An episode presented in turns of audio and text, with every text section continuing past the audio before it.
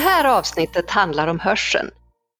Den här gången ur ett yrkesperspektiv. Och kvarten som vi brukar köra med, den utökas till, ja, så länge vi känner för. Och redan nu kan jag utlova en rejäl tonartshöjning.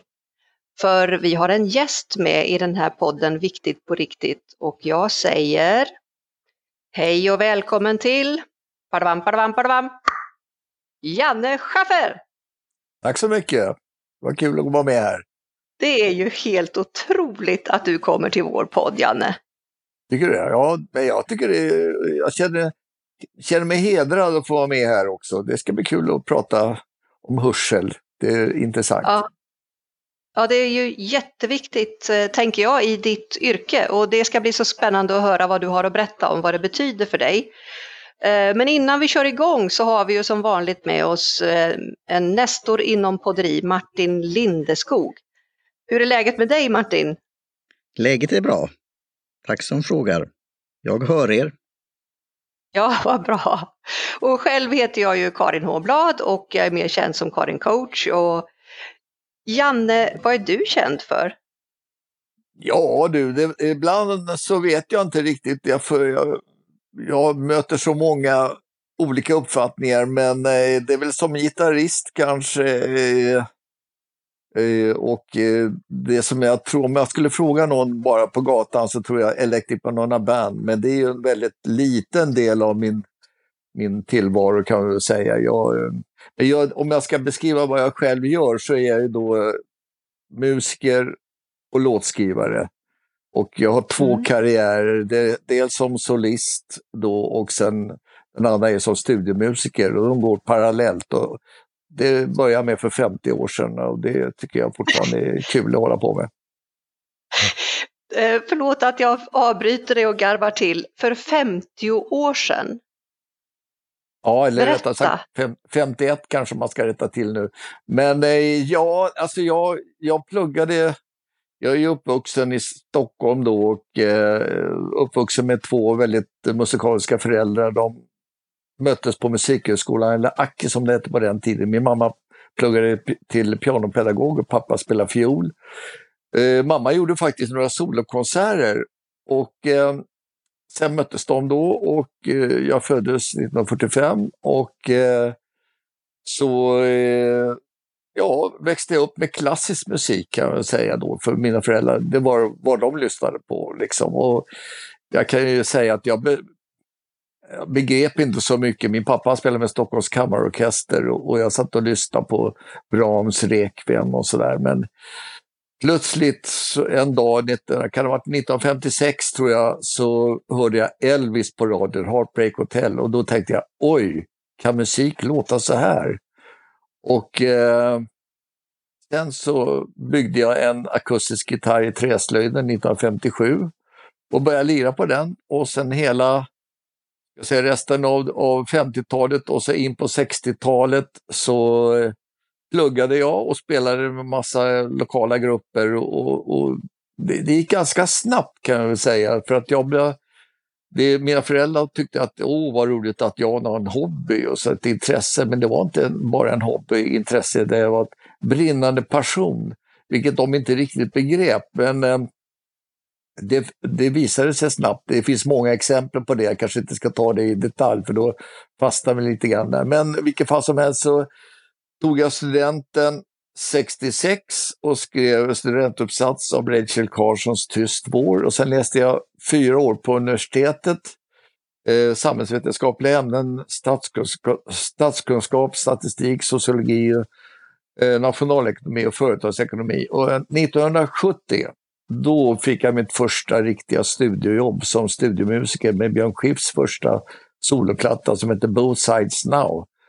Och sen kan man väl säga att Sen har jag fastnat i det här yrket och det ångrar jag inte. Jag är väldigt glad och tacksam för det och sen kan jag utveckla det mycket, mycket mer naturligtvis. Men det är korta drag så är det, sedan 1970 sätter jag som startpunkt som i min yrkeskarriär kan jag säga, som att livnära mig på, på musik.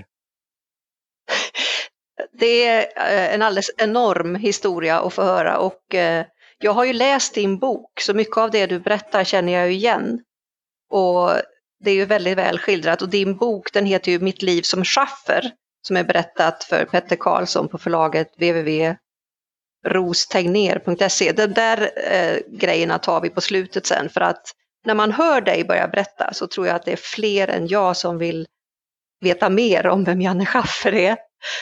Vad, vad betyder hörseln för dig i yrket? Ja, det är ju en eh, central punkt. Att man, eh, det är ju ett av de eh, fem sinnena som man då, som jag, man kan väl säga att jag lever på det, att kunna uppfatta eh, musik, tal och eh, ljud överhuvudtaget. Det, det är någonting som, som är klart, jag tycker i och för sig både lukt, smak eh, och syn också är väldigt bra att, att kunna eh, använda i, i, i de upplevelserna. Det, det, det är väldigt svårt att, att bara, ska jag säga, eh, avskilja själva hörseln, för det, alla sinnen är egentligen, om man då ska tala om musik då kanske, som det är mitt centrala ämne, så kanske man ska man inte avskilja dem från både syn, lukt och smak. Det, det, de sitter ihop lite grann faktiskt. Det tror jag. Mm. Det är helt, eh, tycker jag, helt underbart att höra dig säga det här för att eh, vi har ju haft den här lilla serien om eh, våra sinnen i en ambition att belysa våra sinnen i podden här. Och just nu då så kommer att belysas ur en yrkesmans, en yrkesmusikers perspektiv. Och just det här med vad, våra sinnen, hur vi hanterar dem, är ju så himla viktigt för hur vi upplever vad som kommer till oss under en dag. Ett, jag tänker på de som lyssnar, vad, vad gör jag med det jag lyssnar på? Hur lyssnar jag? Vad är det mer i det här som du säger att eh, sinnena samspelar för dig? Vad är det mer som gör att du har glädje av hörseln i ditt jobb? Ja, alltså det, att upp, eh, uppfatta omvärlden, att, att lära sig eh, man kan, man kan höra mycket saker, men, kan, men jag försöker lyssna in så mycket som möjligt också. Och mm. man, det finns ju ett uttryck, så det ena gick in genom ena örat ut genom de andra och det finns väl mycket som man sållar bort ibland, men sen gäller det då att man, det är vissa eh, hörselminnen som, man, som finns kvar. Va? Och det, det, det är väldigt värdefullt. Jag, jag eh, upplever det ibland och, och om man då ska tala musik så, så är det ju då att det finns minnen till vissa låtar eller viss typ av musik som man, som man upplev, upplever då väldigt behagligt och, och det, då söker man sig till den musiken. Jag tror jag mm. speciellt mm. i sådana här tider att det finns en, eller går en liten nostalgivåg nu som har ju varit mm. ganska lång tid faktiskt och det är inte så konstigt med, med allt vad som händer runt omkring oss. Så då tror jag att man söker sig till den musiken där man upplevde välbehag runt omkring och det tror jag är ganska viktigt. Jätteviktigt. Och välbehag och tröst. Trygghet, lugn och ro. Och ja, alltså hur man kan hämta kraft hos sig själv. Musikens kraft är ju alldeles enorm. Och ja. jag vet att du har ett samhällsengagemang som inte liknar någon annan musiker, höll jag på att säga. Men du engagerar dig i olika frågor. Ja, det, det, kan, det gör jag ju. Det kanske inte riktigt har... Eh, alltså jag använder ju då musik, musiken är mitt medel att kunna försöka hjälpa till i, i vissa sammanhang. Och, eh, det kan man ju använda. Det, det är jag väldigt tacksam för att man kan man kan ha musiken som hjälpmedel faktiskt till att eh, söka kontakt, och söka tröst och tillit och allt möjligt. Och, och, och, bara underhålla också, det finns ju det. det, finns, det finns så många faktorer inom musiken som, eh, som jag är väldigt tacksam för att jag kunnat fått tagit del av och kunna använda.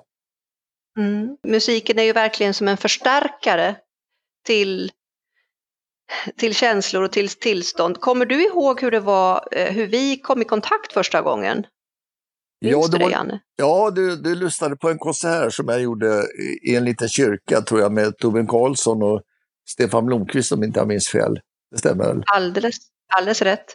Och eh, det här var eh, för mig ett jätte jättestarkt minne och en totalt ny upplevelse av hela dig och din musikergärning med den konserten. Det, det var en tid som var väldigt jobbig. Det var fullt med flyktingar på Medelhavet.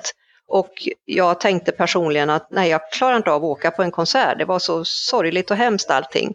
Och det första du gjorde när vi kom till den här kyrkan, det var att du berättade om samtiden och det som precis hade skett. På ett så fint sätt så att hela kyrkan kunde slappna av och kunde ta emot din musik. Mm. Det, det är inte ovanligt att jag gör det. det jag, jag, alltså idag när jag gör mina föreställningar som jag kallar för My Music Stories så varvar jag musik och berättelser och det är alltid bra. Eh, alltså jag tittar ju mycket tillbaks då, det jag har fått vara med och uppleva och det jag har fått vara med om, det är jag väldigt tacksam för. Men det är alltid bra att börja med det som är aktuellt idag, för då berör man människor bäst tror jag. Och det är mm. samma sak som jag gjorde då förra året, att eh, hur jag upplevde den här instängdheten, att plötsligt bli satt i mer eller mindre husarrest. Eh, mm. det, är en, eh, det var en, en eh, traumatisk upplevelse faktiskt. Och sen hur man, hur man långsamt kunde bearbeta det och hur jag uppfattade det, för det var ju väldigt, det var, det var ju väldigt speciellt. Och mm. det märker jag att då fångar man upp publiken på ett bra sätt. Man, det, det, är liksom en, det är så jag gör min föreställning, så kan man säga. Så att, eh, det är alltid bra att knyta an till det som eh, finns i nuet och i verkligheten, även om man då sen tittar tillbaks i musikaliskt. I, eh, och det finns ju massa anekdoter och, och, speciella omständigheter som man har fått vara med om som, som då man kan knyta an och som jag tror människor känner igen också naturligtvis. Det är, det är helt otroligt spännande. Och eh, eh, jag tänker på, jag återkommer till den här boken där du beskriver din, ja mitt liv som schaffer heter den ju. Och där finns ju så många exempel på vad du har varit med om. Alltså det, den bredden är ju helt otrolig. Och boken i sig är ju som en, en alltså jag tycker varenda musikutbildning värd namnet skulle ha den här på sin litteraturlista. För det är det är ett personligt porträtt, en biografi med musik och kultur och samtidshistoria med ett så spännande grepp för att man befinner sig i gränslandet mellan kändisvärlden och en eh, vanlig människa. Jag är en vanlig människa. Jag tror inte ja. att... det, det, var, det här med att vara så kallad kändis, va, inom citationstecken, ja. det har aldrig varit min, mitt ändamål med att hålla på med musik. Jag, jag tror man måste Nej. först och främst bestämma sig för varför håller jag på med musik? Och, och det, var ja. inte, det var jag aldrig för att vara känd utan för att jag hade behov och tyckte det var oerhört eh, roligt att spela. Och, och det här mm. sitter kvar, va? den känslan sitter mm. ju kvar. Det är det som är, är kul och, och jag känner att jag kan förmedla någonting. Men det är klart, sen blir det då en, en eh, någon slags biprodukt att man också blir känd. Men det, det är klart att det skulle inte komma någon folk om inte folk kände till mig, vem jag är och sådär. Men jag tror inte att jag är någon übermensch eller att jag är för mer än någon annan. Det är bara att jag råkar vara intresserad och kan spela musik och kanske berätta lite grann om det. Jag är ingen märkvärdig människa på, på något sätt annars. Ja, det, din ödmjukhet är ju helt otrolig och jag, jag står här med boken faktiskt och kikar på vad den här gitarren har betytt och vad den har gjort för dig, på, ända bak till sidan 265. Får jag läsa lite där? Ja då, varsågod. Ja, jo för här kommer du in på musikens kraft som kommunikation och så står det så här. Det handlar om kommunikation, om att vara tillsammans, om att få skapa något som berör. Om man drar en riktigt lång linje så skulle jag säga att konst, teater, litteratur och musik är gravt underskattade krafter. Att Thomas Tranströmer fick Nobelpriset hösten 2011 var fantastiskt eftersom hans enkla meningar lyckas förvandla människors liv, öppnar vårt medvetande och får oss att inse att livet är större, gåtfullare, märkligare och vackrare. Det är konstens roll. Att bygga broar som sträcker sig bortom orden, dit där intuitionen och känslorna tar vid. Slutcitat. Ja, ja det, det kan jag. Ja, det tycker jag ju. Så, att, så är det ju faktiskt. det här är ju när man som konsertbesökare kommer och lyssnar på dig, vad man upplever, vad jag har upplevt. Och vill, vill du höra vad som har varit en utmaning för mig, Janne, ja, när jag har lyssnat? Ja. Det är att behöva sitta still. Jaha. Det kommer så mycket känslor och det pågår så mycket inombords när man lyssnar på din musik. Så att för mig är jag, jag är helt slut efteråt för att jag måste hålla det här. Att det, liksom, det är, inte okej okay att bara sväva iväg och börja dansa och ha sig i alla gånger. Inne i en kyrka till exempel. Det skulle ju se ut där med, med min röda kappa. ja, ja, det var fint. Men du kan ju röra, man, känslorna kanske rör själen inombords, så det, det, är väl, det är också ett sätt att dansa faktiskt, kan jag säga. Ja, absolut. Eh, och, mm. och, där kan jag ju berätta att eh, underbara Dagny Karlsson, eh, som den härliga bloggerskan som nu är en, en ålder av 108 år, hon och jag har ju tillsammans varit på Operan tre gånger i rad. Nu kan Jaha. vi ju tyvärr inte gå dit, men efteråt så har vi varit båda två som om vi har gått igenom en mangel för att eh, upplevelserna är så starka. Ja. Att, det, att det, man blir liksom masserad i hela kroppen av vad musiken gör med oss. Och jag är nyfiken på dina olika musikspår. Du berättade om att du kommer från ett hem med klassisk, klassisk ja. Eh, skola föräldrar och så har du haft det som många känner till, Trasan och Bananer och så studiomusiker och så egen musik. Vilket, vilket har varit allra roligast och viktigast för dig? det är, det är den egna kreativiteten att kunna skapa musik. Man kan ju säga så här, det börjar med att man lyssnar mest på radion då. Så där, va? Sen har jag haft mm. turen att möta andra kulturer. Jag, eh, vid ett tillfälle så fick jag träffa jamaicansk kultur. Jag, av en slump så hamnade jag faktiskt med Bob Marley i en inspelning. Och han lärde mig hur man ska spela reggae. Man ska luta sig bakåt Take it easy, som han sa till mig. Va? Sen så spelade jag med Björn J. Lind och han mm. hade träffat en, en egyptier som heter Abdo El Khatib. Och mm. eh, han hade lärt Björn då eh, klassisk egyptisk musik. Och det, ibland så brukar man slarvigt säga så här, arabisk musik, men Arabien är stort. Det finns eh, det finns libanesiskt, det finns eh, marockansk, det finns olika eh, typer av musik, men egypt, klassisk egyptisk musik som är eh, ungefär ja, 2000 år gammal, ungefär år noll. Då spelade vi faktiskt eh, ett stycke som heter Billa Tiaskara, Björn och jag.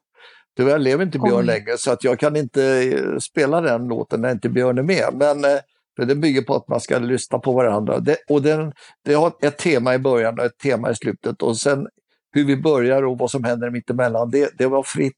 Det fick hända vad som helst. Liksom. Det, det var oerhört inspirerande att spela det. Men det, också att lära sig vad är egyptisk musik och det är att det, man har inga ackord i, i egyptisk musik, men man har kvartstoner. Det är det som gör att det låter lite annorlunda. Vi, vi har hela, hela och halva tonsteg, men de har något mellan de tonstegen så finns det kvartstoner. De kallas för sika ibland som man lyssnar då lite på äh, livemusik, arabisk äh, eller egyptisk livemusik, så hör man ju att hela publiken skriker Åh! säger alla. Och då undrar man varför gör de det? Jo, därför att alla träffar den här kvartstonen gemensamt. Och då blir det en sån där ett lyckorus hos alla. Ah. Sen har jag spelat med en, en eh, indisk mästare på flöjt som heter Harry Prasad Chaurasia. Och han är egentligen lika stor i Indien som Ravi Shankar. Och jag gjorde en turné på två veckor runt i, i Skandinavien faktiskt. Vi spelade i Köpenhamn också. Och det var också oerhört intressant. Det finns 3500 eh, rager som heter, man, man, spelar rager, man spelar inte låtar utan det är raga, morgonraga, kvällsraga, mellan... Alltså för varje tid på dygnet har en typ av av raga då som man eh, som är anpassad till den, hur man, den sinnesstämningen som man ska ha. Då. Och det var, Alltså det var ju otroligt. Vi gjorde en konsert ihop då i Lund. Ska, det finns en lång historia om det, så står i boken har för mig. Då lyssnade, hade ju, visste ju ingenting om, om indisk musik. Då lyssnade in, han spelade en låt, den var en timme lång. det hände grejer. Det, det hände grejer hela tiden. Va? Det är som en lång resa. Och sen har jag spelat också, sen har jag spelat afrikansk musik. Det, jag träffade en kille som hette Ribop Kwakuba. Och det var i början av eh, 70-talet också och vi gjorde en platta, Bobo Stensson och Uffe Andersson och jag, med afrikansk musik helt enkelt. Och det, det är också väldigt rytmiskt, det är väldigt speciell musik.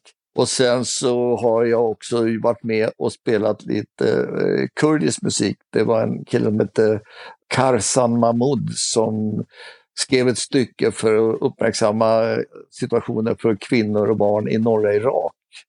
Och eh, då var jag med och spelade, spelade på den. Och, så det, det finns med, och sen får inte glömma svensk folkmusik. Jag har också varit med och spelat lite grann med, med några eh, spelmän och det är också oerhört intressant. Jag kallar nog Benny Andersson för svensk spelman till exempel. Det, det är en spelman av rang. Och Björn Jison Lind framför allt. För han, han, gick, han studerade alla de här folkmusik, det är liksom därifrån all musik skapas. Sen är vi, det mesta musiken vi idag spelar den bygger på den amerikanska bluesskalan, det kan man nog säga. Och både jazz och popmusik, det är väldigt mycket amerikansk blues som ligger i botten och sen så utvecklar man den på olika sätt. Det är lite där och, och så plockar man upp, när jag då spelar och, och, försöker skapa egen musik, så plockar jag in lite grejer från olika ställen. Jag gjorde en, när jag hade spelat med den här Karsan Mahmoud till exempel, så så var det en kille som spelade duduk, armeniskt blåsinstrument och det var så fantastiskt. Jag träffade den killen så frågade jag vad, vad jobbar du med? Kan du lida som musiker? Nej, jag kör taxi, sa han. Jaha, okej. Okay. Men eh, vi gjorde en låt och en låt med Electric Banana Band som heter Håll Himalaya rent. Och då bad jag honom komma och bara för att skapa lite atmosfär, stämning. Kan inte du spela lite, bara lite fritt sådär? Visst, han satte igång och spelade. Det var oerhört vackert. Så att det finns, man kan involvera, man får vara lite uppfinningsrik och ta in, öppna alla sinnen och eh, öppna fantasin. Det är, liksom, det är väl det som är, är, ett signum på min musik, vad jag gör, skriver, hur jag skriver musik och hur jag lyssnar på musik. Och... Det är så underbart att höra dig berätta och den här eh, fantasifullheten, lekfullheten och inspirationen och ungdomligheten är ju så tydlig med dig. Att det, du är evigt ung på något vis. Vad, vad hände den 24 september 2020, Janne? Ja, jag passerade ett visst datum där, ja.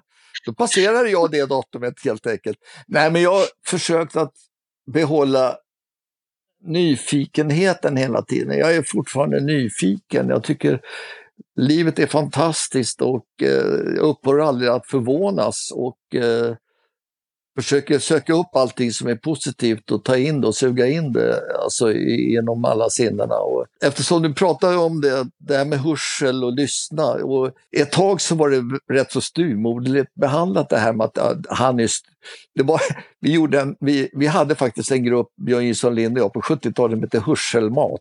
Det döptes av ja. Janne Forsell som var med. Just det, jag har läst i boken.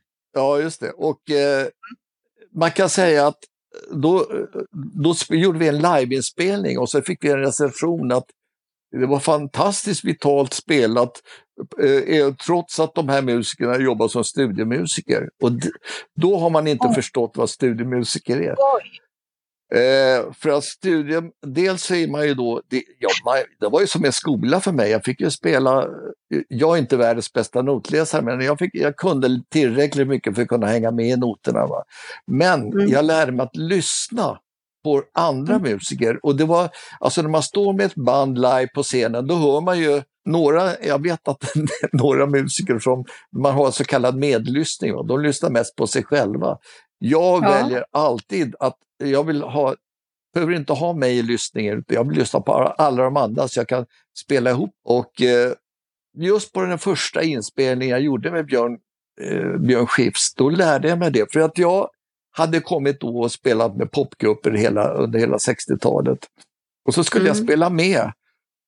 Och jag glömmer aldrig, det var, jag spelade, jag hade lite för bråttom på en fras. Va?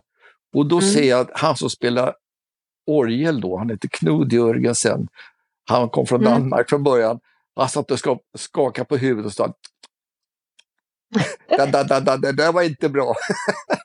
och då vart jag alldeles livrädd. Vad fan gjorde jag för någonting här? Så lyssnade jag, jag hade för bråttom. Jag måste lyssna på vad de andra gör. Jag, får inte, jag måste spela ihop. Det gäller att lyssna ihop att man spelar. Det var, så det var oerhört utvecklande för mig att spela med de här fantastiska musiker. Jag lärde mig oerhört mycket på det.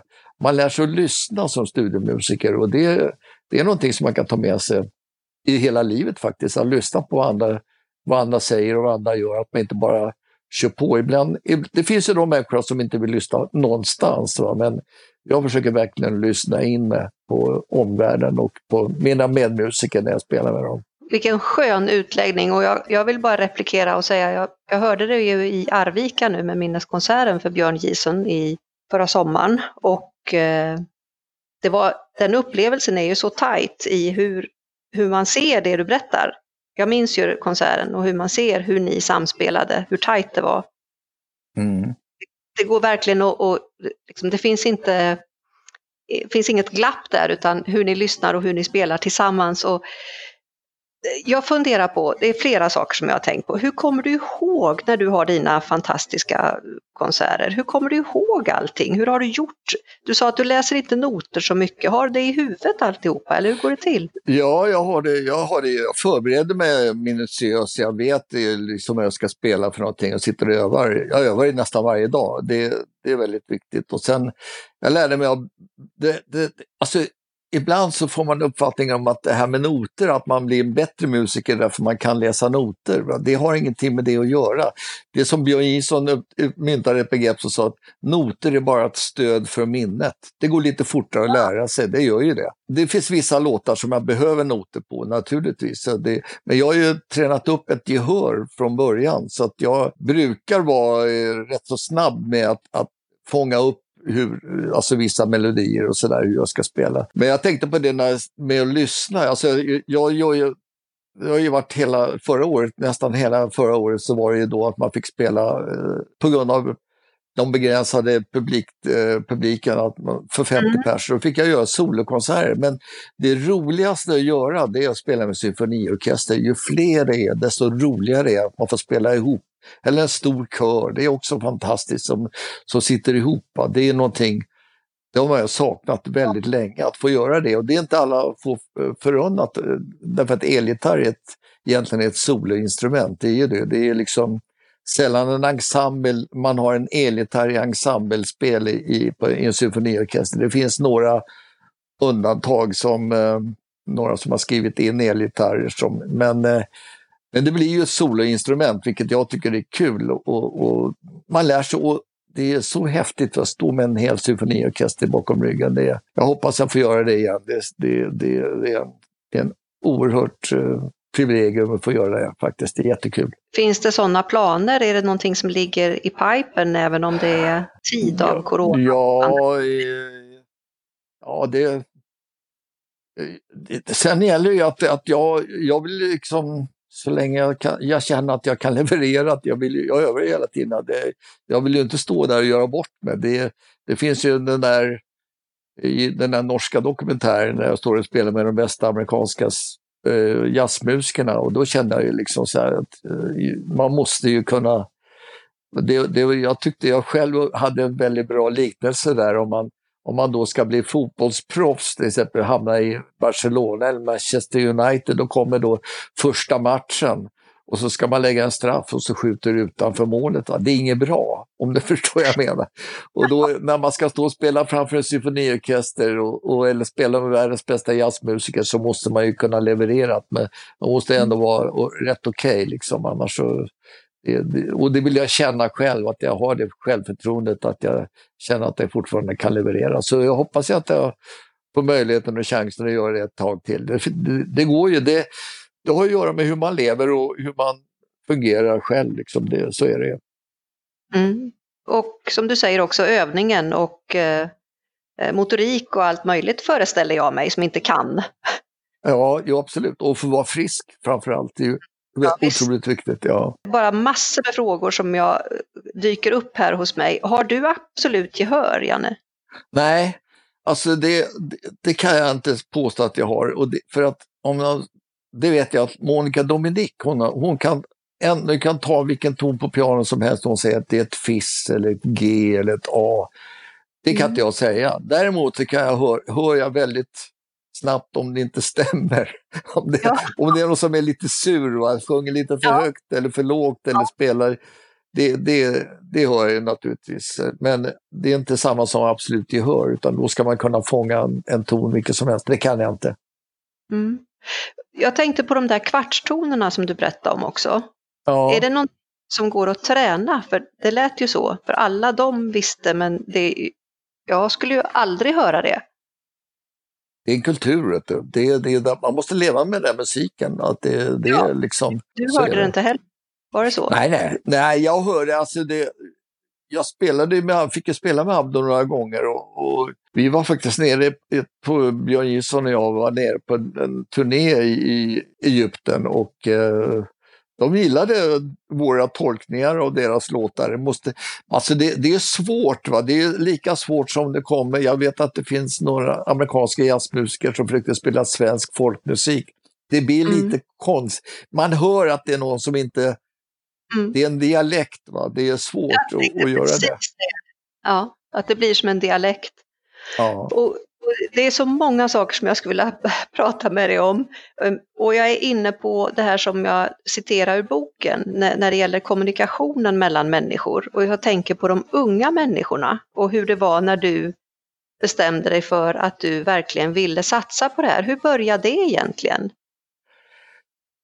Ja, det, det, jag, jag vet, jag bara, det, det bara rullade på av, av en slump. Det var, det var ingenstans jag kunde ringa, det fanns ju ingen utbildning på elgitarr. Det, det, det, skulle, man, alltså, skulle man lära sig att spela efter noter och sånt där, va? eller ha en gitarrlärare, då var det klassisk gitarr som gällde. Så att det, det var inte den musiken som jag var intresserad av. För jag ville ju spela, jag, på hela 60-talet var det mest popmusik då. Men, men sen när jag hamnade mera in i studiosvängen och folk upptäckte att jag kunde vara med och, och jag lyssnade in väldigt mycket jazz till exempel. Så jag, satt ju, jag fick ju vara med i radiojazzgruppen då och spela med Eje Thelin och Palle Mickelborg och Carla Bley som en fantastisk amerikansk eh, tonsättare. Eh, och eh, aldrig, jag har aldrig bestämt mig för att nu ska jag eh, bli musiker, utan det bara blev så. Men däremot så, så fick jag ju då, eh, i och med att det inte fanns någon utbildning på elgitarr, så satt jag och Rune Gustafsson och någon, Ralf Sandberg heter han, bad oss att vi skulle dra upp riktlinjerna för att få in elgitarren på musikhögskolorna. Det gjorde vi 74, 75 tror jag. Och, eh, och så sa vi att det här måste man kunna om man då, om man då ska lära ut elgitarr, hur, vad ska man kunna? Och då, då sa vi båda två att man måste kunna spela både visa, pop, jazz, man måste kunna man måste vara gränsöverskridande om man ska kunna livnära sig som gitarrist. Det är svårt, det är ett smalt yrke, det är inte många förunnat att kunna eh, livnära sig på att spela gitarr hela tiden. Då måste man ju hamna i någon Oftast blir de, de flesta som, som börjar spela går i gitarrlinjen de hamnar sen som musiklärare själva då, vilket är ju väldigt bra för då kan man föra, för ut musikens budskap till, till massa unga elever som, de, de som är idag, den undervisning som vi har idag på Musikhögskolan är ju fantastisk. Det står ju högt över det som man hade förväntningarna så att det, ibland så åker folk över då och ska det GIT i USA. Va? Men jag brukar säga till dem, det, betala inte dyra studieresor och, och hotell och sånt där. De musikhögskolorna som vi har i Sverige, de, är, de har väldigt hög klass de lärarna är fantastiskt bra. Åh, oh, vad roligt att höra. Och jag står och håller din bok i min hand igen ja. för att när jag läst i den så är det för mig i alla fall någonting som verkar som ett väldigt eh, viktigt skede, någonting som hände. Eh, för att just det skulle bli en gitarr. Och, och det var i när du var i skolan. Ja. Vet du vad jag ja. tänker på? Ja, att jag var intresserad av träslöjd, var det det du tänkte på eller? Jajamän. Ja. Jo, det var ju en slump. Jag byggde en gitarr i träslöjden i Blackebergs läroverk. Slöjdläraren hette Åke Nilsson. Och jag kommer ihåg den idag. Det tog nästan ett år. Jag var väldigt envis. Jag var 12 år då också. Så att, eh, det var ju bara en, eh, en, impuls. Det var inte något som jag hade tänkt ut utan det var bara att jag, det hängde en gitarr inne på hans lärarrum in till vår lektionssal och så byggde jag en sån. Helt enkelt. Exakt. Och, och, i boken så, så växer det fram när man läser om det här, din passion för att få genomföra det här. Och jag, jag skulle vilja citera här för att då säger dina föräldrar hemma, att du hade mest lyssnat på möjligen Andrés Segovia eller så där när det gällde gitarr, annars var det ju en annan typ av musik. Och så säger mm. någon av dina föräldrar, bygga en gitarr i slöjden. En sån märklig idé, hur har du fått den? Mina föräldrar tittade förstummade på sin vanartige son. Från slöjdmagisterns rum. Den häng, det hänger en på väggen där. Och ja. slöjdmagistern som sen säger, tyvärr Jan, det är alldeles för svårt för dig. Jag menar, förstår du vilket hantverk som egentligen krävs? Det här är citat på sidan 40 i din bok. Ja, det, det stämmer. Det var, det var svårt. Jag, det tog ett år. Jag gjorde fel flera gånger också. Att det, var, alltså det är ju alla gitarrer har exakt samma avstånd mellan sadel och stall, va, som, där strängarna ja. sitter. Va. Det är exakt samma avstånd på alla gitarrer och, då, och banden ska stämma exakt också där man, på greppredan för att det ska... Och det där lärde jag mig. Alltså det, det finns en... Den mest kända svenska gitarren heter Hagström. Eh, ja. och, och de, eh, när, det finns en historia när de, de byggde från början dragspel och sen fick mm. de då så massa sådana pärlemor, man byggde dragspel i pärlemor, ja. så fick de massa pärlemor över och sen började folk, Oj.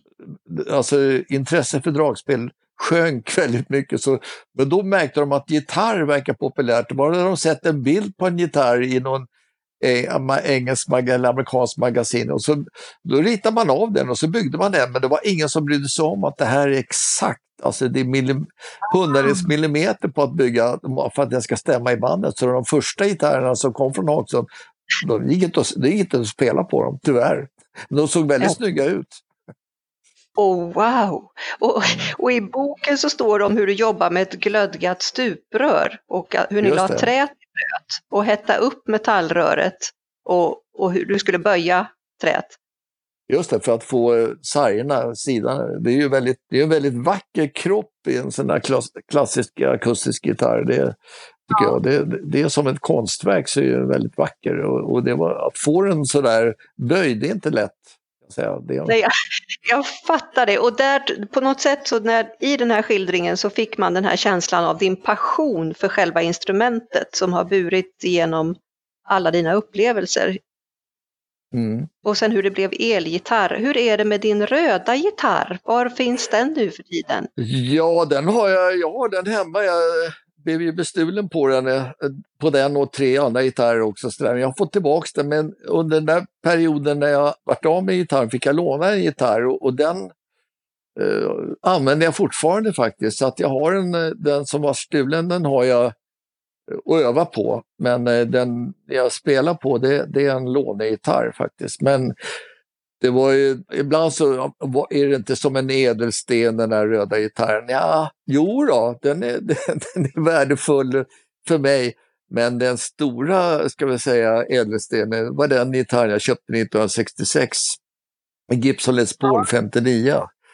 Den köpte jag för 1200 kronor och det tror jag Martin känner till att det är en sån där den gitarren är ju värd otroligt mycket och det är ju den gitarren jag använde på eh, ska jag säga, alla, alla inspelningar jag gjorde på 70 och 80-talet. Alltså när Halkans affär, Brusa Högerlilla och eh, mm. Ted Gärdestad, Jag ska fånga en ängel, Satellit, eh, Mamma Mia, Volevo, alla ABBA-låtarna, 50 ABBA-låtar som jag använder den där elgitarren på. Då. Så det, det, är klart att den gitarren är för mig helt ovärderlig. Och bara, bara raritetsvärdet att få en Gibson Les Paul 59, det, det är som en Stradivarius för de som, för en fiol liksom, att man, den är, den är oerhört mycket värd. Och den är, men den, det har, jag kommer ju aldrig att sälja den. den, den affektionsvärdet för mig är så högt så att det, jag är glad att jag har den kvar. Så den, men den röda gitarren, den, den använder jag mest att spela på. Den, det är kul att spela på den. Det blir som priceless. Ja, Ja, yes. det, det, är verkligen musik i våra öron. Vad säger du mer än priceless Ja, Martin? jag har suttit och lyssnat på er här och det är fascinerande vad Janne kan... Eh, fina berättelser. Och, och mitt eh, minne, eh, det är ju barndomsminnen från eh, Banankontakt till exempel och eh, barn, barnprogram med Trasan och bananer. Men för att höra nu hur mycket mer det är, för du sa att det var en liten del, men det, det fångade många i, i barndomen. Alltså det var roligt, det var minnen och, och just nu att ni fortsätter att spela och att ni har kul. Jag brukar använda det som rådgivare inom nya medier, just det att ha kontakt och ha en banankontakt. Och se om någon fattar vinkeln. det är roligt att se då det här eh, referenser till något positivt. Mm. Vad betyder det för dig nu för tiden, Janne, med sociala medier och alla de här prylarna som musiker, som proffsmusiker? Eh, det är för mycket password och lösenord. ja. Men, eh, ja, det är faktiskt det. Men, men eh, det är klart att det, det har ju, jag kan säga det, det är för och nackdelar. Det som man kommer tillbaks till, ibland så kan man eh, gå vilse i djungeln, i den tekniska djungeln och eh, tappa hantverket. Jag tror fortfarande att hantverket att kunna spela ett instrument, det är mm. fortfarande överlägset. Det är, det är samma som man bor på en bondgård eller vad man än gör, alltså hantverk, kunna snickra, såga, det, det kommer alltid att finnas kvar. Men däremot så kan jag väl säga då teknikens med teknikens hjälp så har jag faktiskt eh, lagt på ett gitarrsolo på en, en skivinspelning för Australien. En kille mm. som, eh, som heter Joe Matero som eh, ska släppa en skiva i år. Och, eh, mm. sen har jag lagt på en, en, en, en, en eh, kille som eh, i Köln som gör musik som låter som ABBA. Men det är inte ABBA-låtar, men han gör det. Och, och, då har jag lagt på en liten studio i Stockholm. Jag gör alltid så att jag använder alltid samma studio. Mm. Och, eh, och sen har jag lagt på på en skiva som eh, har kommit i år med Magnus eh, eh, kommer inte ihåg vad efternamn, som spelar, gamla basisten i, i från Hammerfall. Och den mixades i Brasilien och det är sångaren från Black Sabbath, Tony Martin, som sjunger. Och det, ja, det, det, man kan utveckla det rätt mycket faktiskt med teknikens hjälp. Att man, man eh, behöver inte flyga hit och bo på hotell och så alla måste sitta. Men det är klart att ibland så känns det kul när man kan sitta hel, en hel orkester och spela live. Liksom. Det blir en helt annan upplevelse. Men med teknikens hjälp så kan man ju liksom man kan lägga på ett, gitarrsolo på en låt som ges ut i USA till exempel. Det är alldeles utmärkt. Eller i Australien. Det är långt bort. Ja, det är långt Janne, var det, var det Magnus Rosén? Magnus Rosén, förlåt. Ja, just det, ja. precis. Mm. Mm. Det här är ju så underbart att höra och jag, när jag sa sociala medier och så, så tänkte jag mer för, eh, jag vet att du i hösten 2020 var du visst med i en entreprenör en podd som handlar om entreprenörskap, någonting sånt. Ja, just det. Det var ett, eh, ja, det var ett litet, eh, eh ja, en liten meeting bara sådär. Vi satt ja. och, pratade. Ja. Men det var samma där. Det kommer fram till att hantverket är liksom, det är inte så dumt att kunna ett hantverk. Sen, är man ju, sen finns det de som är tekniskt begåvade också som använder tekniken att, eh, att eh, det gäller också att man kan göra det på rätt sätt. Det är också lätt att manipulera. Att man, det var faktiskt, ja, då kan jag berätta en sak som inte så många vet att det var en person i uh, Turkiet faktiskt som, som tog en, en av mina masterlåtar, en låt som heter Norrland, och sa att det, det, det var hans. Han tog hela min inspelning och gav ut den. Och i elva år hade han gett ut den. Och jag hade inte upptäckt det för att eh, han lever i en, an, en annan del av världen och eh, det var ju mycket märkligt. Det, så det finns både för och nackdelar. Jag skulle aldrig ja. göra så, men det var en ganska, han var ju rätt så etablerad faktiskt i, i Turkiet och i hela, hela Mellanöstern. Ja. Så det, det finns för och nackdelar. Men det var ju ja. en ren stöld kan man säga då. Ja.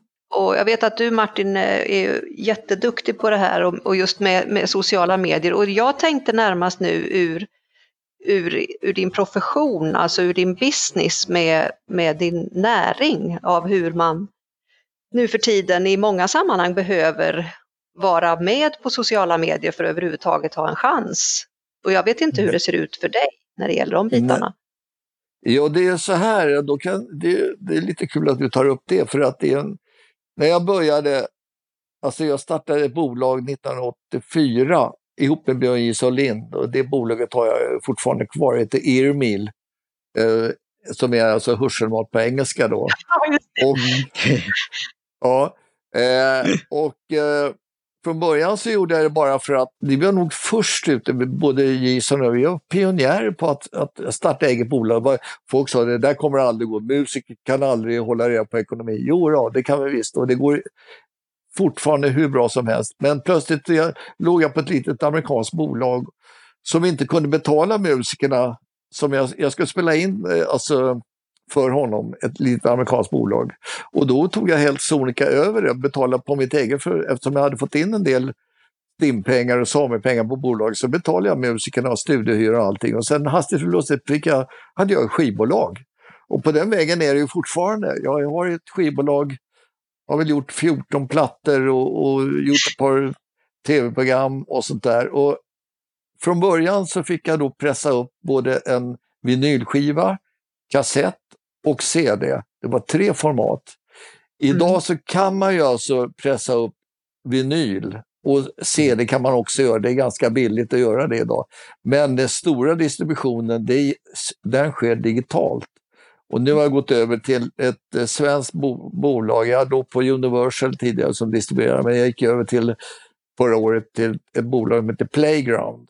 Och, mm. eh, för att distribuera. Och det, det, är en helt ny ny värld. Eh, mm. Spotify som då, där musiken finns och spelas den, det är, jag har svårt att förlika mig med Spotifys eh, idé faktiskt, för att de betalar ju upp, upphovsmännen och artisterna och skivbolagen. Men musikerna, alltså, om jag spelar som studiomusik på en ABBA-platta och de spelar den på Spotify så får jag inte, inte, en öre, inte ett öre. Och det, det, sådär. det fick man tidigare när, när det var skivor och, och, och när det spelades på radio och eh, tv och sånt där. Man är med då på en ABBA-platta så och då får man, då får man Sami-pengar. Så kallades. Mm. Och Sami det är Svenska Artister och Musikers intresseorganisation. Men Spotify betalar ingenting till musikerna. Det är väldigt tråkigt tycker jag. Det kan jag verkligen hålla med om. Och Martin, du, du är ju insatt i de här tankegångarna när det mm. gäller hur saker och ting sprids så fritt och inte och så. Vad säger du? Ja. ja, jag är ju för äganderätt och man ska skydda dem och jag förstår Spotifys roll som eh, hjälpte lite när det var det här med piratindustrin tidigare. Eh, men det som är bra är ju att det finns en fri marknad och det finns andra distributionskanaler, till exempel Apple Music för att nämna en, som betalar, som jag vet, och jag är ingen expert på området, men som betalar bra till artisterna. Så det kommer väl marknaden få utvisa här. Men det är bra att det finns en diskussion och en debatt om det här. Och att man kan sprida det goda ordet och, och prata om det. Så det tycker jag. Och just det här vi pratar om hörseln i framtiden så kommer vi kunna säga att eh, spela någonting med Janne Schaffer till en intelligent högtalare och den kommer kunna spela upp någonting och kunna känna av att det är Janne Schaffer eh, som har gjort det och få royalties direkt. Eh, så, så sådana här grejer kommer vi se för framtiden. Så jag är, jag är optimistisk. Men igen är det ja. bra att prata om det och vem som, vem som har rätt till vad. Eh, och det var mycket till det förr om åren med det här med piratindustrin då som kom och ur det så blev det den här industrin då.